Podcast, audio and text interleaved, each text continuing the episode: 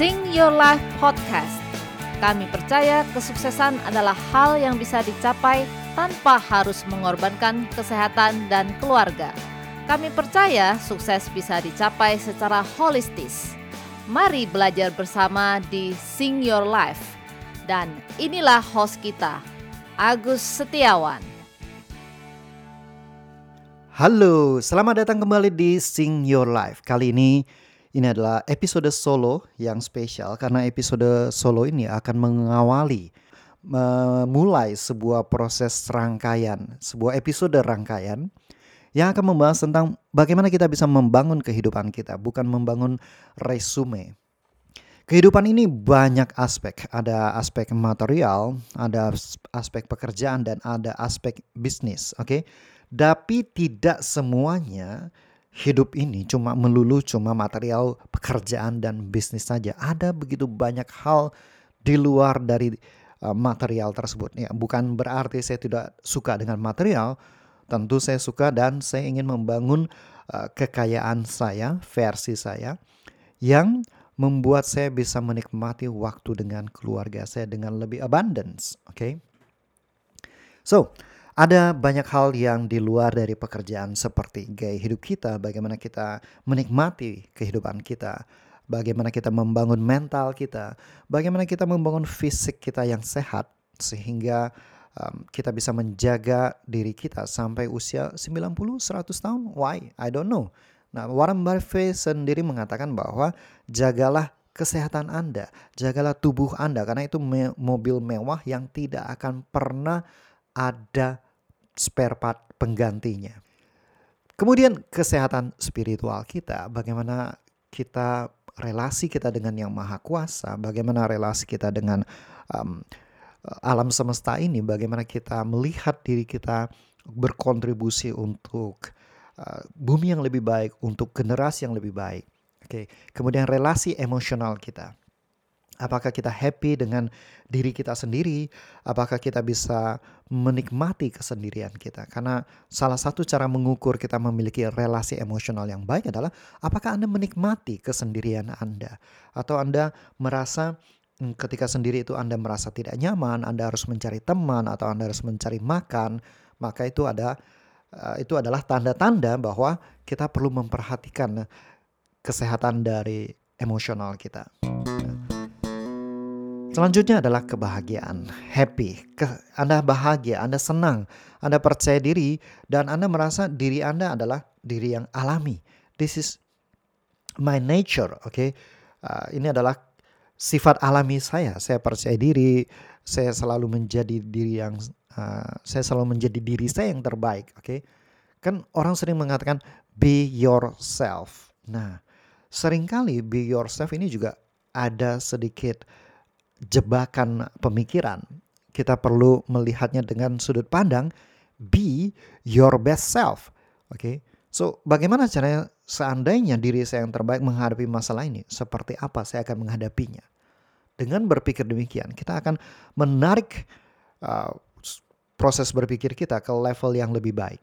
Tapi kalau kita mengatakan be myself, be yourself, ya udah saya be yourself. Saya tuh orangnya begini loh. Ini bikin saya marah nih. Saya emosi, oke. Okay? Nah, kita bisa melakukannya dengan lebih baik dengan berpikir, oke, okay, be my best self.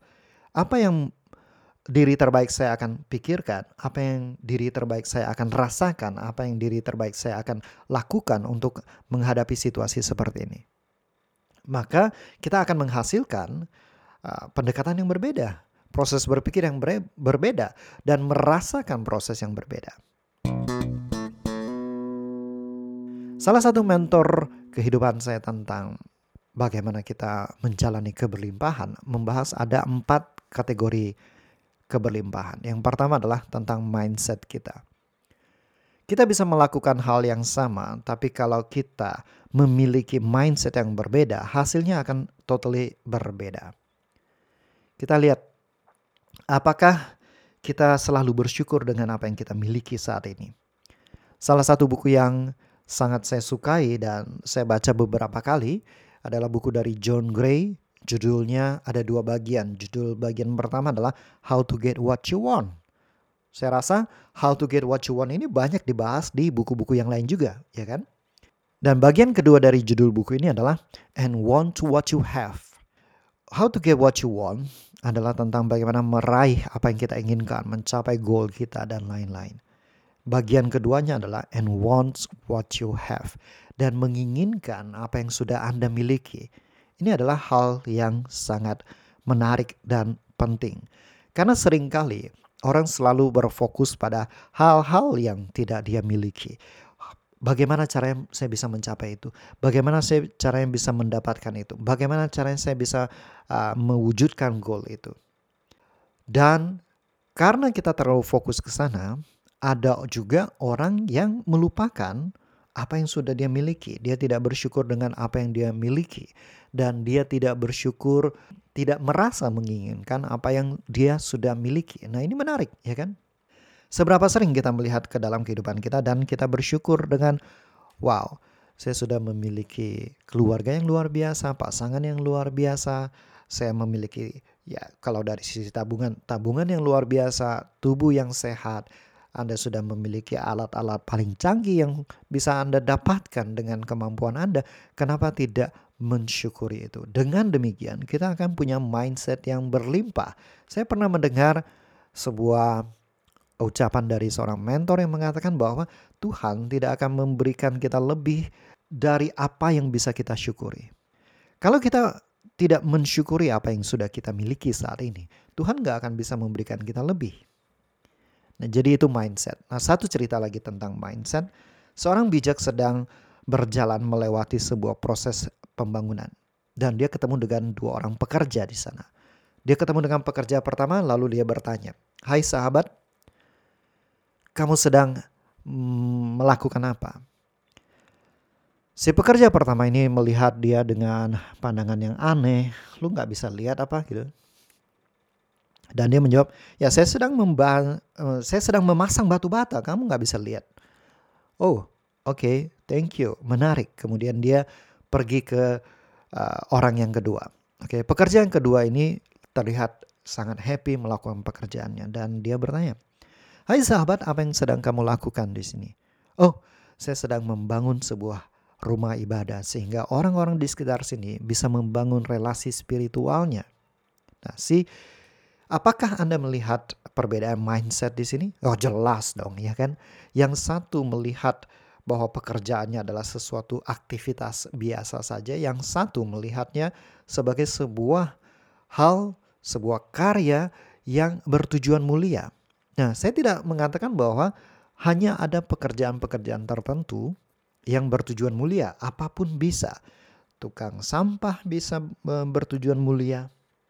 Apa pun yang kita uh, pekerjakan ya yang yang kita kerjakan dalam dunia kita kita bisa berikan makna yang berbeda. Ketika kita memberikan makna yang berbeda, maka kita akan mengubah cara pandang kita, kita akan mengubah perasaan kita terhadap apa yang kita kerjakan, kita juga akan mengubah hasil yang akan kita wujudkan.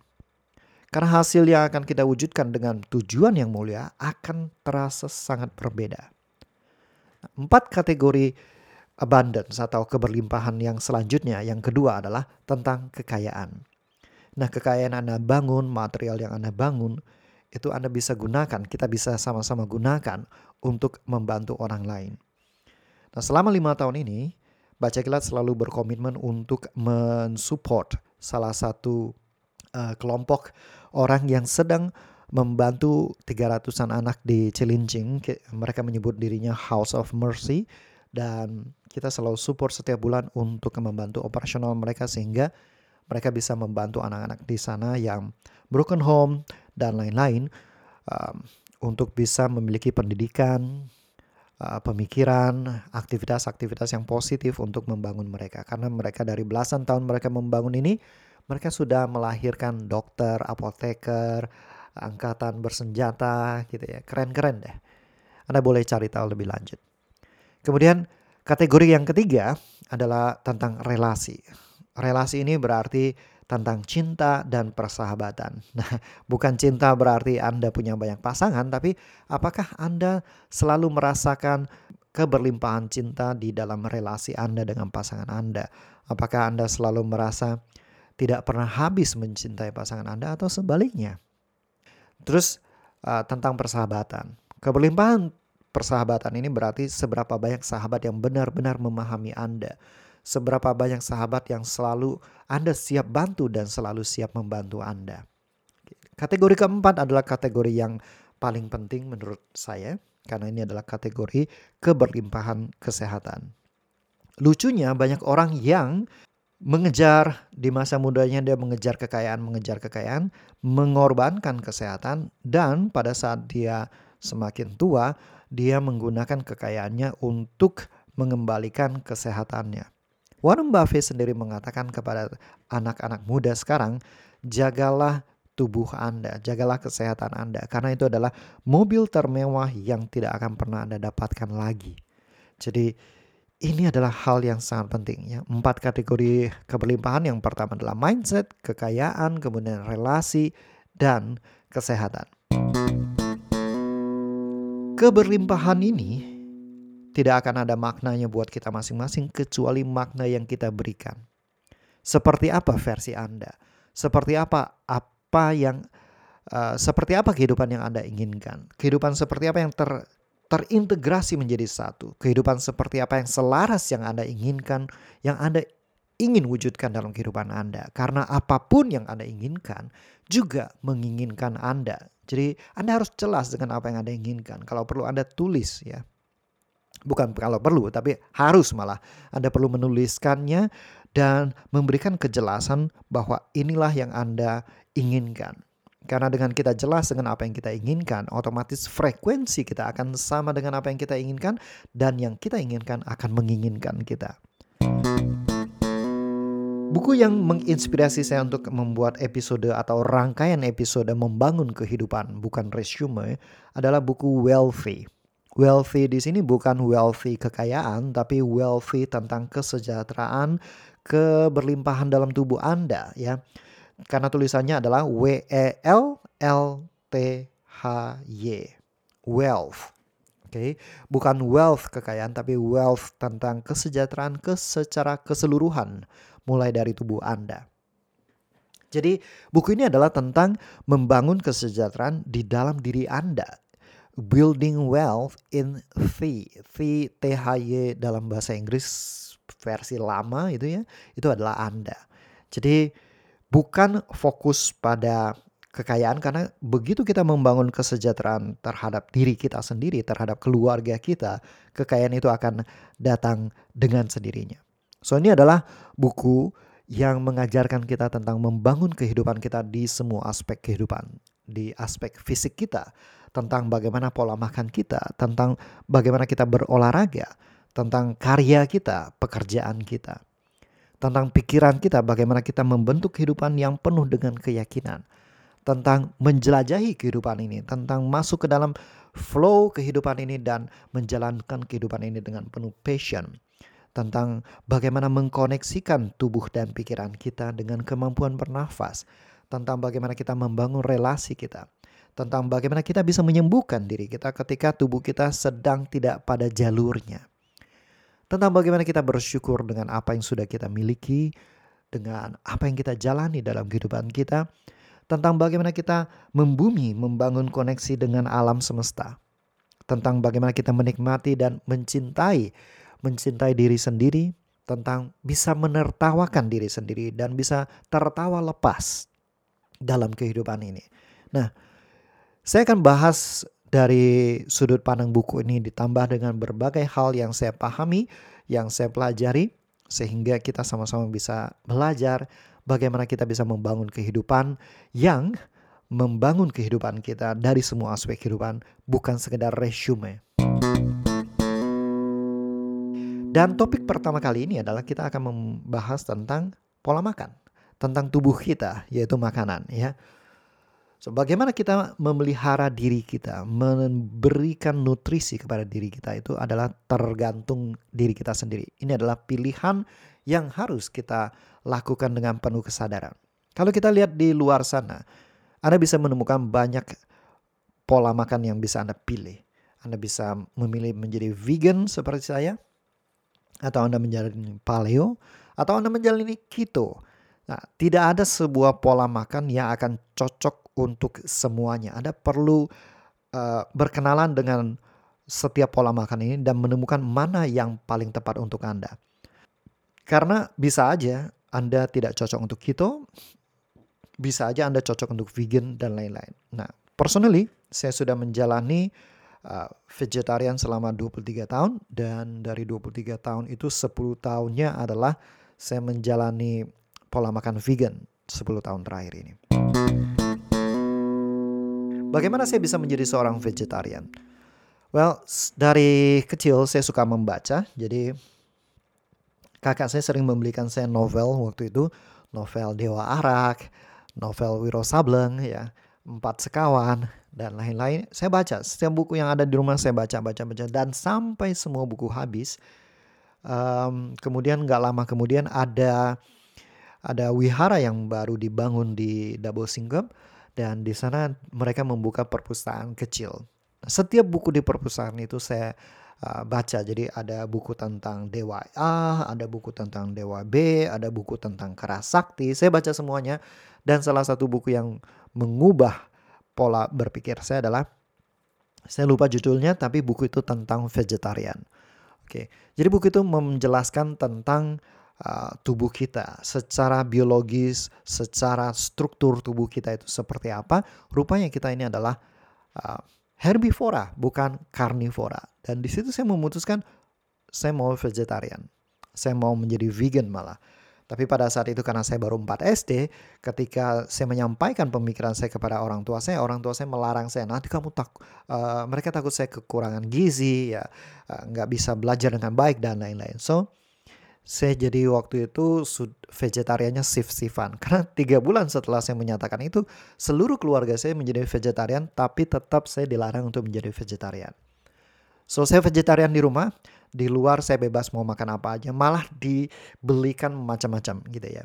Biar saya bisa uh, dalam tanda kutip dapat gizi yang tepat gitu katanya. Sampai di tahun 2008 saya merit, kemudian di tahun 2010 saya mengajak istri saya mengatakan, eh gimana kalau kita going vegan aja. Jadi kayaknya vegetarian udah biasa buat kita, kita bisa menemukan banyak hal dengan mudah, jadi nggak ada tantangan lagi. Bagaimana kalau kita going vegan? Mungkin akan memberikan dampak yang berbeda.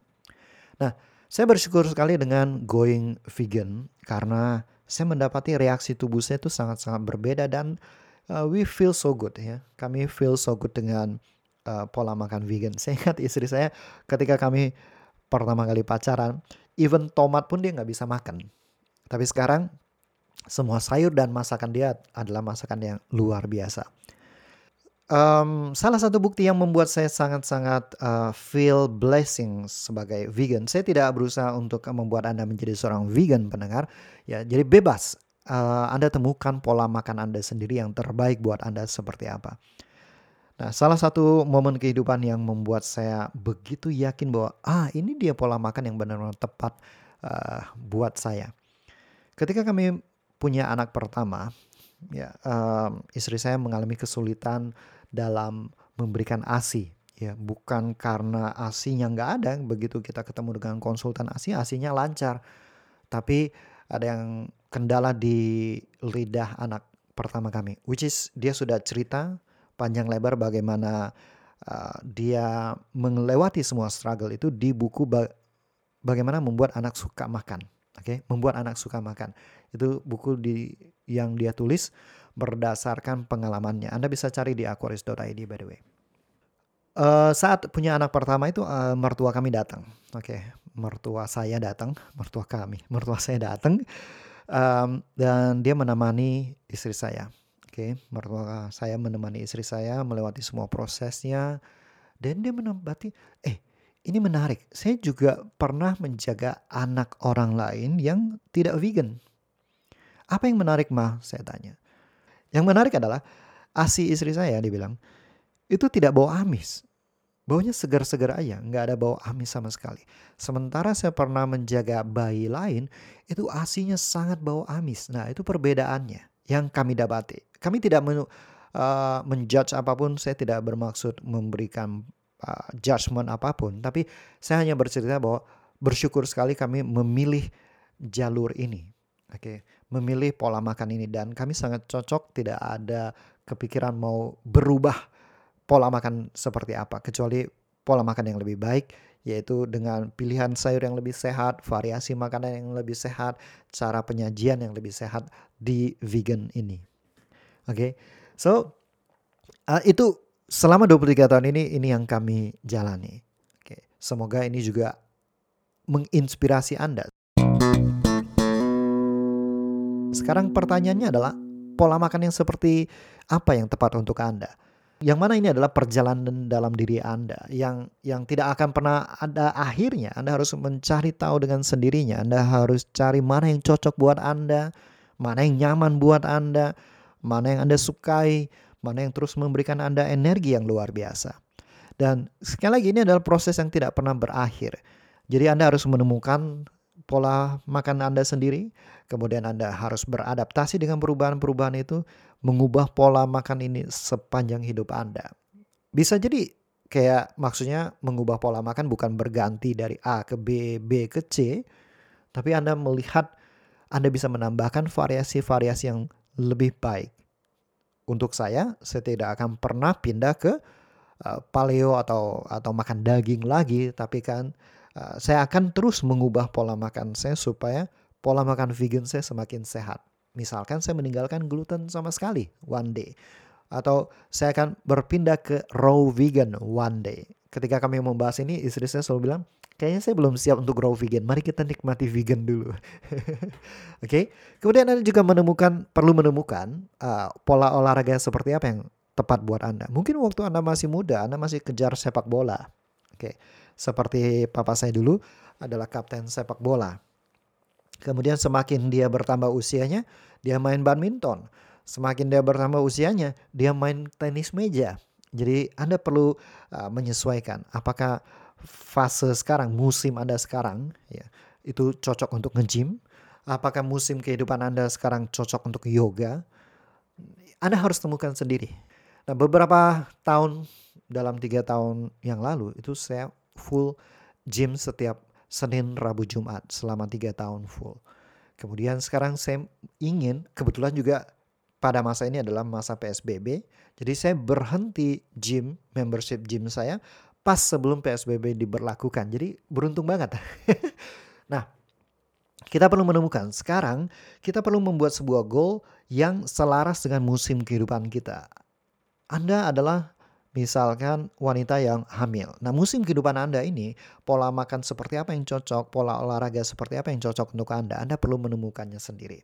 Oke, okay? yes, Anda bisa konsultasi dengan dokter gizi, tapi begitu banyak dokter gizi yang saya konsultasikan, saya belum menemukan um, informasi yang benar-benar memuaskan saya karena mostly dokter gizi walaupun kita atau ahli gizi lah, ahli gizi yang saya konsultasikan punya pandangan-pandangan tertentu, stereotype stereotype tertentu gitu ya.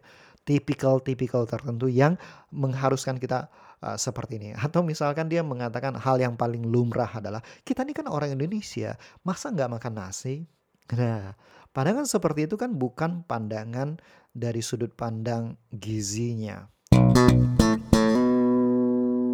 Proses kita menjalani pola makan saya tidak menyarankan atau buku Wealth juga tidak menyarankan bahwa kita meninggalkan pleasure sama sekali. Wow, gimana kalau dengan donat? Gimana kalau coklat? Boleh nggak sih? Saya nggak akan bisa meninggalkan itu semua ya. Saya mau bebas makan apa pun. Nah, biasanya orang mengatakan bahwa ngapain sih jaga pola makan? Kan saya mau bebas makan apa pun. Oke, okay, sure. Um, kebebasan yang kita maksudkan itu adalah apakah itu adalah kebebasan yang sebenarnya? Kebe apa yang saya maksud dengan kebebasan yang sebenarnya adalah ketika makanan itu hadir di depan Anda. Apakah Anda punya kebebasan untuk memilih, ya saya pengen makan makanan ini atau oh enggak, saya lagi enggak pengen makan makanan ini. Atau setiap makanan yang disajikan, mungkin Anda suka coklat, kapan pun disajikan coklat, walaupun Anda masih kenyang, Anda tetap makan. Wah saya nggak bisa nolak nih. Aduh saya nggak bisa tahan kalau nggak makan ini. Berarti anda masih belum bebas dengan makanan Anda. Anda sudah bebas relasi Anda dengan makanan Anda adalah ketika makanan itu ada, Anda bisa memilih untuk makan. Atau Anda juga bisa memilih, hmm, saya nggak mau makan yang ini. Nah, itu artinya Anda sudah bebas dari makanan itu. Jadi, jangan sampai Anda berpikir bahwa oke okay, menjaga pola makan ini berarti saya akan meninggalkan makanan-makanan enak. Enggak, kita nggak akan underestimate uh, pleasure itu. Karena pleasure akan membawa kita terus akan makan itu juga in the end. So life is fun, kita nikmati aja. Bukan berarti saya nggak pernah makan donat, berat, bukan berarti saya nggak pernah makan pizza. Wah, saya suka banget pizza ya. Jadi kadang-kadang kami ke Bali selama satu minggu atau dua minggu hanya untuk kuliner, menikmati makanan-makanan vegan di sana. Karena uh, makanan vegan di Bali itu saya suka banget. Oke. Okay? Jadi jangan sampai kita terobsesi pada pola makan. Kita harus lihat pendekatan yang sehat seperti apa, termasuk pendekatan yang sehat untuk emosi kita. Jadi kita menyeimbangkan pola makan kita dan kehidupan kita. Karena tubuh kita setiap waktu akan berubah-ubah. Ya, kita perlu menyesuaikan. Sekarang musimnya seperti apa, Anda perlu makan dengan pola makan seperti apa. Yang paling penting adalah kita makan dengan penuh kesadaran. Mari kita bahas tentang makanan yang tidak ideal. Yang pasti, mau dari sudut pandang mana pun kita melihat, saya bisa tidak setuju pada ahli gizi tertentu atau saya tidak bisa uh, setuju pada pola makan tertentu, fine, tapi semuanya akan setuju bahwa makanan yang tidak ideal adalah makanan yang diproses. Makanan yang diproses artinya yang, yang sudah dikemasan, yang ada labelnya itu adalah makanan yang diproses. Kemudian yang kedua adalah gula. 80% dari 600 ribu jenis makanan yang dijual di luar sana itu mengandung tambahan gula yang menurut ukuran itu berlebihan. Why? Karena gula membuat selera makan meningkat. Dan ketika selera makan meningkat, apa yang terjadi?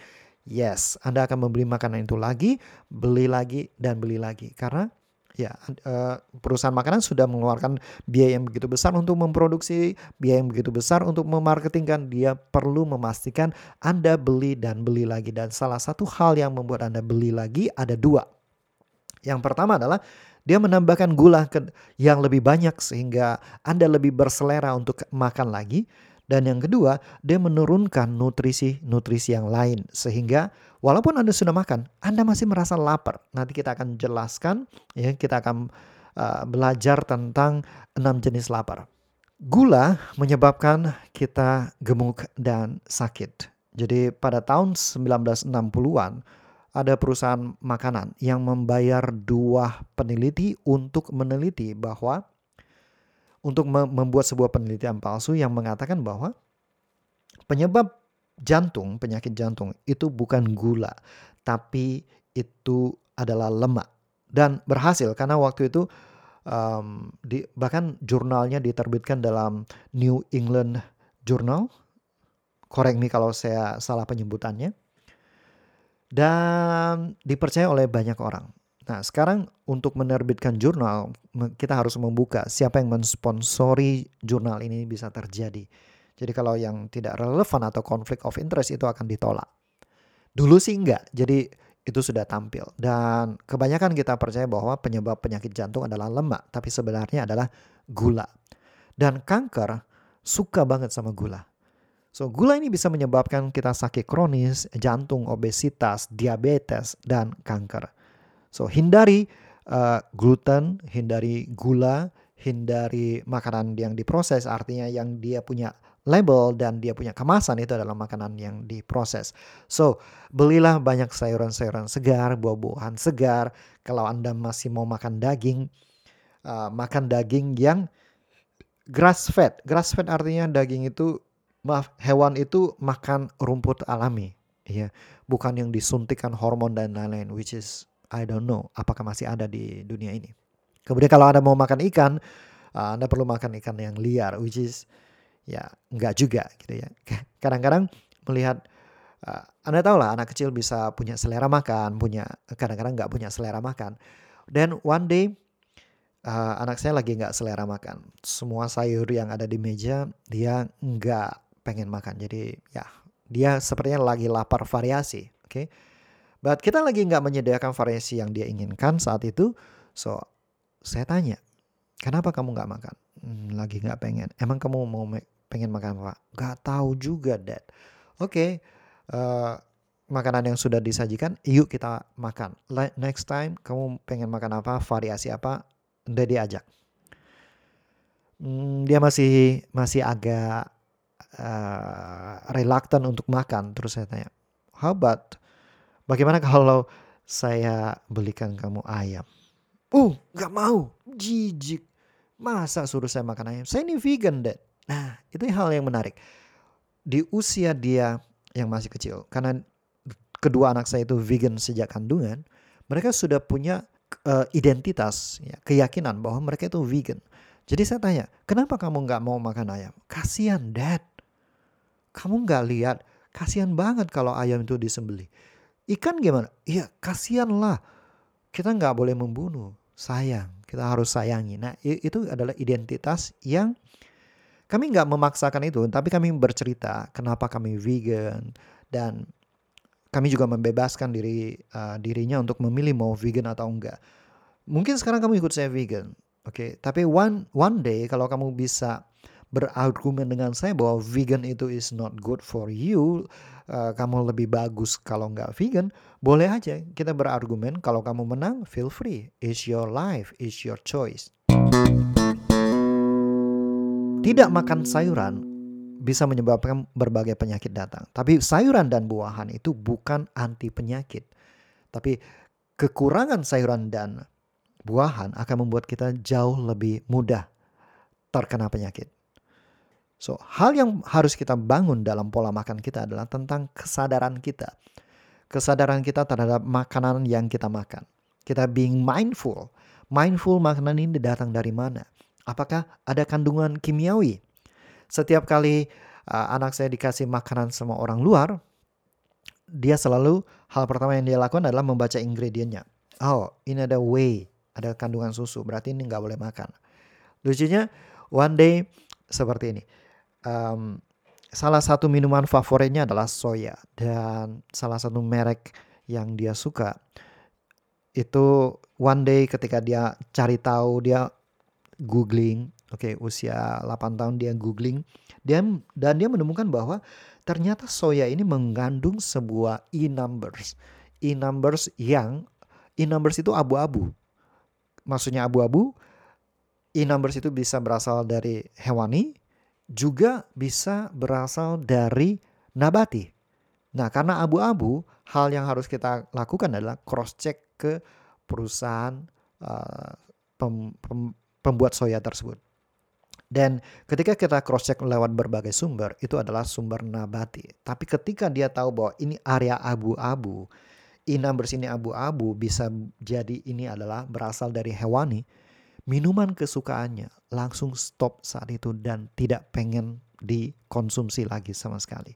So dia being mindful dan kami amazed banget. So setiap makanan yang datang dari luar, dia selalu lihat ingredientnya. Oke ini vegan, saya boleh makan. Dan dia akan makan dengan happy. Ini nggak vegan, sesuka apa pun dia dengan makanan itu, dia akan stop makan. Ada satu biskuit yang ternyata e-numbersnya adalah hewani. Begitu dia find out, dia langsung stop makan dan dia kasih ke orang lain makanannya. Apakah makanan ini mengandung pestisida? Kita perlu menyadari itu. Apakah makanan ini ada antibiotik? Apakah kandungan gula dari makanan ini sudah berlebihan. Nah, Anda lihat, kadang-kadang ada minuman yang kandungan gulanya itu sampai 8 sendok teh dan itu sangat-sangat berlebihan. Oke, okay? apakah makanan ini berasal dari gluten? Apakah makanan ini diproses? Oke, okay? apakah pekerja yang memproses makanan ini dibayar dengan pantas? Nah, itu being mindful. Well, kayaknya mungkin berlebihan. Nah, kalau Anda merasa berlebihan, paling enggak, paling enggak Anda mindful terhadap pilihan Anda. Makanan yang Anda pilih, Anda makan karena Anda memilih dan memutuskan untuk makan dan kita nikmati. Mindful adalah tentang kita memilih makanan yang kita makan dan bagaimana rasanya pada saat kita pengen makan itu. Kita sadari sebelum mulai rasa ingin makan itu kenapa dia bisa muncul, asosiasinya dengan apa. Rasanya seperti apa? Pada saat gigitan pertama seperti apa? Pada saat dikunyah seperti apa? Kadang-kadang orang mengalami apa yang disebut dengan food amnesia. Food amnesia itu dia udah lupa rasa pada saat gigitan ke-6, suapan ke-7, suapan ke-8. Dia udah nggak merasakan rasa makanan itu lagi. Itu namanya food amnesia. Nah, kenapa kita bisa mengalami food amnesia? Karena kita makan tidak dengan mindful. Dan ketika kita makan tidak dengan mindful, kita bisa aja uh, merusak diri kita sendiri. Oke. Okay? Nah, kita mindful pada saat kita kenyang. Gigitan keberapa, suapan keberapa kita kenyang kita being mindful terhadap itu. Uh, kita juga being mindful terhadap reaksi tubuh kita. Bagaimana reaksi tubuh saya? Kadang-kadang saya juga pengen makan nasi padang. Ya, ada loh ya versi vegannya makan uh, nasi padang. Kadang-kadang saya bisa habisin karena saya masih oke. Okay. Kadang-kadang ah cukup. Oke, okay, kalau cukup ya udah. Nah, walaupun awal-awal saya melakukan itu ada pembicaraan kecil di di di di, di hati sanubari hati saya yang mengatakan Eh, sayang loh kalau lu buang makanan. Habisin, habisin. Eh, itu adalah didikan orang tua saya. Kan saat itu kami bukan dari keluarga yang uh, berlimpah, semuanya serba kekurangan sampai papa saya harus kerja keras dan lain-lain. Jadi setiap ada makanan, orang tua saya selalu memastikan saya menghabiskannya karena nasi itu mahal, makanan itu mahal. Kamu harus menghargai makanan dan menghabiskannya. Jadi suara itu muncul, but this is not good for my body. Oke, okay? Ini saya sudah cukup, saya nggak bisa. Kalau saya makan lagi, saya bisa terlalu begas, saya bisa hmm, reaksi tubuh saya tidak bisa bagus dan lain-lain. Nah, itu adalah dua konflik yang berbeda. Nah, semakin kita mindful terhadap hal-hal ini, kita bisa mengurangi porsinya duluan sehingga tidak ada makanan yang wasted dan lain-lain. Nah, ini penting banget, oke? Okay? Kemudian kita juga menyadari emosi yang kita kaitkan terhadap apa yang kita makan. Dan mindful berarti kita menikmati, benar-benar menikmati, being present, merasakan makanan itu, merasakan seperti apa rasanya, reaksi tubuh kita dan lain-lain. Kita benar-benar menikmati. Apakah boleh uh, makan gula juga Pak. Ya boleh-boleh aja selama kita mindful bahwa saya sedang pengen makan gula karena ya saya pengen aja dan sudah cukup satu dua uh, gigitan dan dan mau berapapun yang penting Anda menganggap bahwa saya lagi mau mentraktir diri saya dengan apa? Dengan makanan yang manis. So misalkan kami pergi ke Bali, kami selalu cari uh, sebuah restoran vegan yang menyediakan ice cream Oke, okay? namanya Kind. K Y N D. Anda boleh coba. Itu ice creamnya enak banget. Ice cream tentu manis, ya kan? But pada saat itu ya udah kami mentraktir diri kami sendiri. Tapi itu tidak berlebihan. Tidak berlebihan artinya saya nggak mungkin duduk di situ sampai makan 5 porsi ice cream. Satu porsi ice cream aja udah lebih dari cukup. Nah kalau kita mindful, kita menganggap itu adalah traktiran. Kalau kita mindless, itu juga itu sudah jadi sebuah kebiasaan yang tidak membangun kita. So being mindful paling tidak pada hal-hal yang bisa kita kendalikan, pada hal-hal yang ada dalam diri kita. Oke, sekarang saya ingin membahas ini yang terakhir tentang enam jenis lapar. Ada lapar haus, Lapar kok haus? Sebentar saya jelaskan. Ada lapar nutrisi, ini adalah lapar sebenarnya. Satu-satunya lapar yang benar-benar lapar adalah lapar nutrisi. Kemudian lapar perut kosong, perut kosong. Kemudian lapar emosi, lapar gula darah rendah, dan lapar variasi. Mari kita bahas satu persatu. Lapar haus adalah sebuah reaksi alami tubuh manusia di mana pada zaman purba kita nggak punya tempat untuk minum dan lain-lain. Kalau kita haus apa yang kita cari? Makanan. Oke, makanan yang mengandung air. Jadi kita sudah terbangun built-in dalam otak kita. Kalau kita haus, kita cenderung mencari makanan. Jadi solusinya apa? Solusinya adalah kita minum 6 sampai 8 gelas per hari. Dengan demikian, tubuh kita nggak akan merasa haus. Kalau dia nggak merasa haus, kecenderungan Anda untuk makan snack-snack yang tidak fungsional, snack yang banyak gulanya, anyway snack sekarang Anda lihat sangat sedikit air. Sehingga walaupun Anda makan, Anda masih merasa Anda lapar. Anda lapar apa sebenarnya? Anda lapar air sebenarnya. Oke? Okay? So, uh, minum air yang cukup membuat Anda tidak akan snack pada hal-hal yang tidak sehat. So, perlu uh, penuhi diri Anda dengan 6 sampai 8 gelas per air. Tergantung tinggi badan Anda atau besar badan Anda, Anda mungkin akan menambah porsi airnya Anda. Oke. Okay? Yang kedua adalah uh, lapar nutrisi. Lapar nutrisi adalah lapar yang asli, lapar yang sebenarnya seperti namanya nih lapar nutrisi berarti pada saat ini tubuh Anda sedang uh, kekurangan nutrisi tertentu. Mungkin Anda pernah makan makanan tertentu terus Anda merasa wah segar sekali Anda merasa tubuh Anda menyerap makanan itu. Nah, itu berarti Anda sedang membutuhkan nutrisi tersebut dari makanan itu. Oke. Jadi bagaimanapun kita tubuh kita diajarkan uh, makan makanan tertentu, kita perlu menyadari jenis makanan apa yang sedang kita inginkan, yang benar-benar jujur kita inginkan. Pak, bagaimana cara kita bisa mengenali uh, ini lapar haus atau lapar nutrisi? Untuk lapar haus itu sudah given, artinya setiap hari kita perlu memenuhi kandungan air dalam tubuh kita. Jadi penuhin itu maka lapar haus tidak akan terjadi. Untuk lapar nutrisi, kita perlu makan makanan yang bergizi, banyak makan sayur, variasi, dan buah-buahan. Dengan demikian kita bisa memastikan nutrisi dalam tubuh kita akan terbentuk dengan baik. Yang ketiga adalah lapar variasi. Lapar variasi adalah lapar yang alami sebenarnya. Karena sebenarnya manusia itu perlu makan 200 jenis tanaman dalam satu tahun. Nah, kalau ditanya Coba hitung, satu minggu ke belakang, Anda makan berapa jenis sayur? Terus ada yang jawab, dua pak. Oh apa aja? Itu letus sama tomat yang ada di hamburger. Oke, okay? bisa aja demikian. Nah, tubuh kita akan mencari lapar variasi. Lapar variasi untuk memenuhi nutrisi-nutrisi kita. So, variasikan berbagai sayuran Anda. Oke, okay? berbagai sayuran dalam satu sumber uh, makanan Anda. Lucunya FDA, Foods and Drugs Association di Amerika, menganggap bahwa pizza itu sebagai salah satu bentuk sayuran. Kenapa? Karena saus tomatnya berasal dari tomat. Ini adalah pandangan yang sangat luar biasa menurut saya. Dan apa yang terjadi?